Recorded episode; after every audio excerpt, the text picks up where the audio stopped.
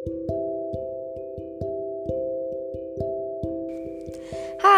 gue Rika. Dan gue Bene. Podcast ini kita persembahkan untuk semua teman-teman yang sudah mendengarkan ruang ekspresi Amor Fati.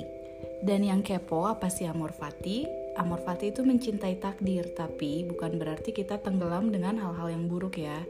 Justru untuk tetap tumbuh. Dan menjadi lebih baik sebagai manusia seutuhnya, agar kita bisa belajar dari perjalanan kehidupan. By the way, Kak, kita udah punya 5 podcast ya atau 5 cerita yang udah kita upload di Spotify kita dan YouTube kita. Sekarang kita mau ngebahas 5 cerita itu untuk memberikan kesimpulan dan perspektif dari sudut pandang kita. Untuk yang belum mendengarkan, sebaiknya dengarkan terlebih dahulu podcast-podcast kita. Dan kita tidak memaksakan teman-teman untuk percaya sepenuhnya. Kita di sini hanya berbagi cerita, petiklah pelajaran dan positifnya untuk kita bisa belajar dan membenahi diri. Cerita Anon, kita belajar bahwa dia dengan kecemasannya masih bertanggung jawab sebagai ibu, istri, dan anak yang baik untuk ibunya. Dan berusaha untuk selalu bisa memberikan yang terbaik untuk keluarganya. Dari dia kita belajar untuk terus mengenal diri untuk tumbuh agar bisa bermanfaat untuk sekitarnya. Uh, cerita kedua itu dari Agus ya. Dia dengan DID. DID itu Dissociative Identity Disorder atau kepribadian ganda. Dari Agus kita belajar melihat kalau ada seseorang yang berjuang menghadapi mental illness yang pastinya nggak gampang, tapi dia tetap survive untuk diri dia sendiri, juga buat ibunya. Nah dia tuh bisa loh ngontrol diri dia dan tetap menjadi pribadi yang baik Bahkan, lima kepribadiannya dia melindungi diri dia untuk bisa beradaptasi di lingkungannya yang sangat penuh pressure. Terus terus dari Tia dan Rima, dari Tia kita belajar betapa hebatnya dia untuk memutuskan pergi ke professional help. Karena untuk menyelamatkan anak dan keluarganya, dia sangat survive dengan mental illness-nya sebagai penyintas BPD atau Borderline Personality Disorder.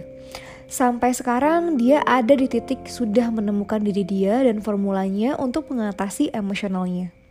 Dari Rima kita belajar bahwa perjuangan pejuang cinta dia adalah titik balik untuk mengenal diri dan jati dirinya lebih dalam. Titik untuk terus tumbuh menjadi pribadi yang lebih baik, dia tidak berhenti belajar dan terus haus ilmu untuk terus belajar di usia yang sangat muda. Terus habis itu kita punya cerita dari Caca.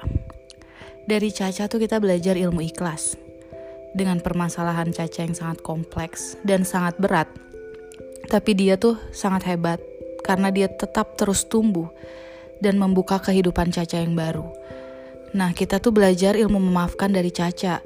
Bahkan dia tuh bisa loh mendoakan untuk orang lain yang udah membuat hidupnya kesus kesusahan supaya orang itu menjadi lebih baik.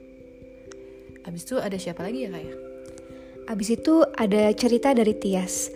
Kita belajar berani untuk speak up dan menginspirasi banyak orang untuk berani dan lebih aware terhadap lingkungan terkecil.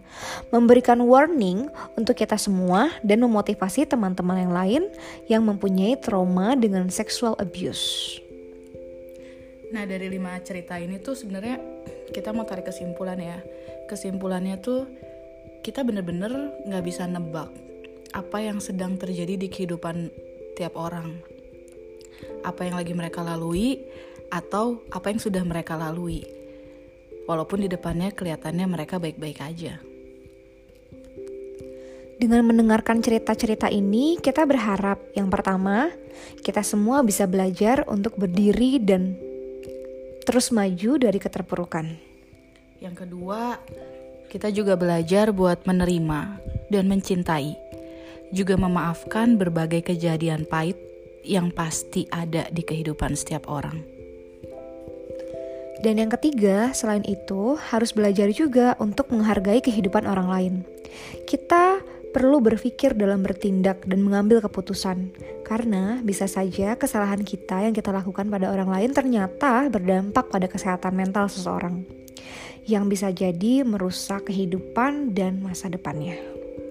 Terus yang terakhir nih, yang keempat dan yang paling penting adalah pelajaran yang kita ambil itu adalah untuk terus berkembang dan produktif dalam melanjutkan tujuan hidup.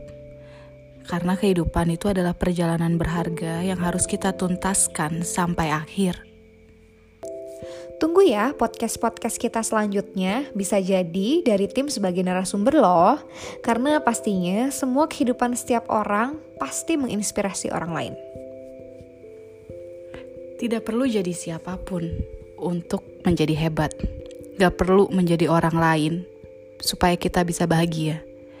Karena dengan menerima diri kita sendiri seapa adanya kita, sebenarnya itu adalah kebahagiaan yang seutuhnya ya. Wow.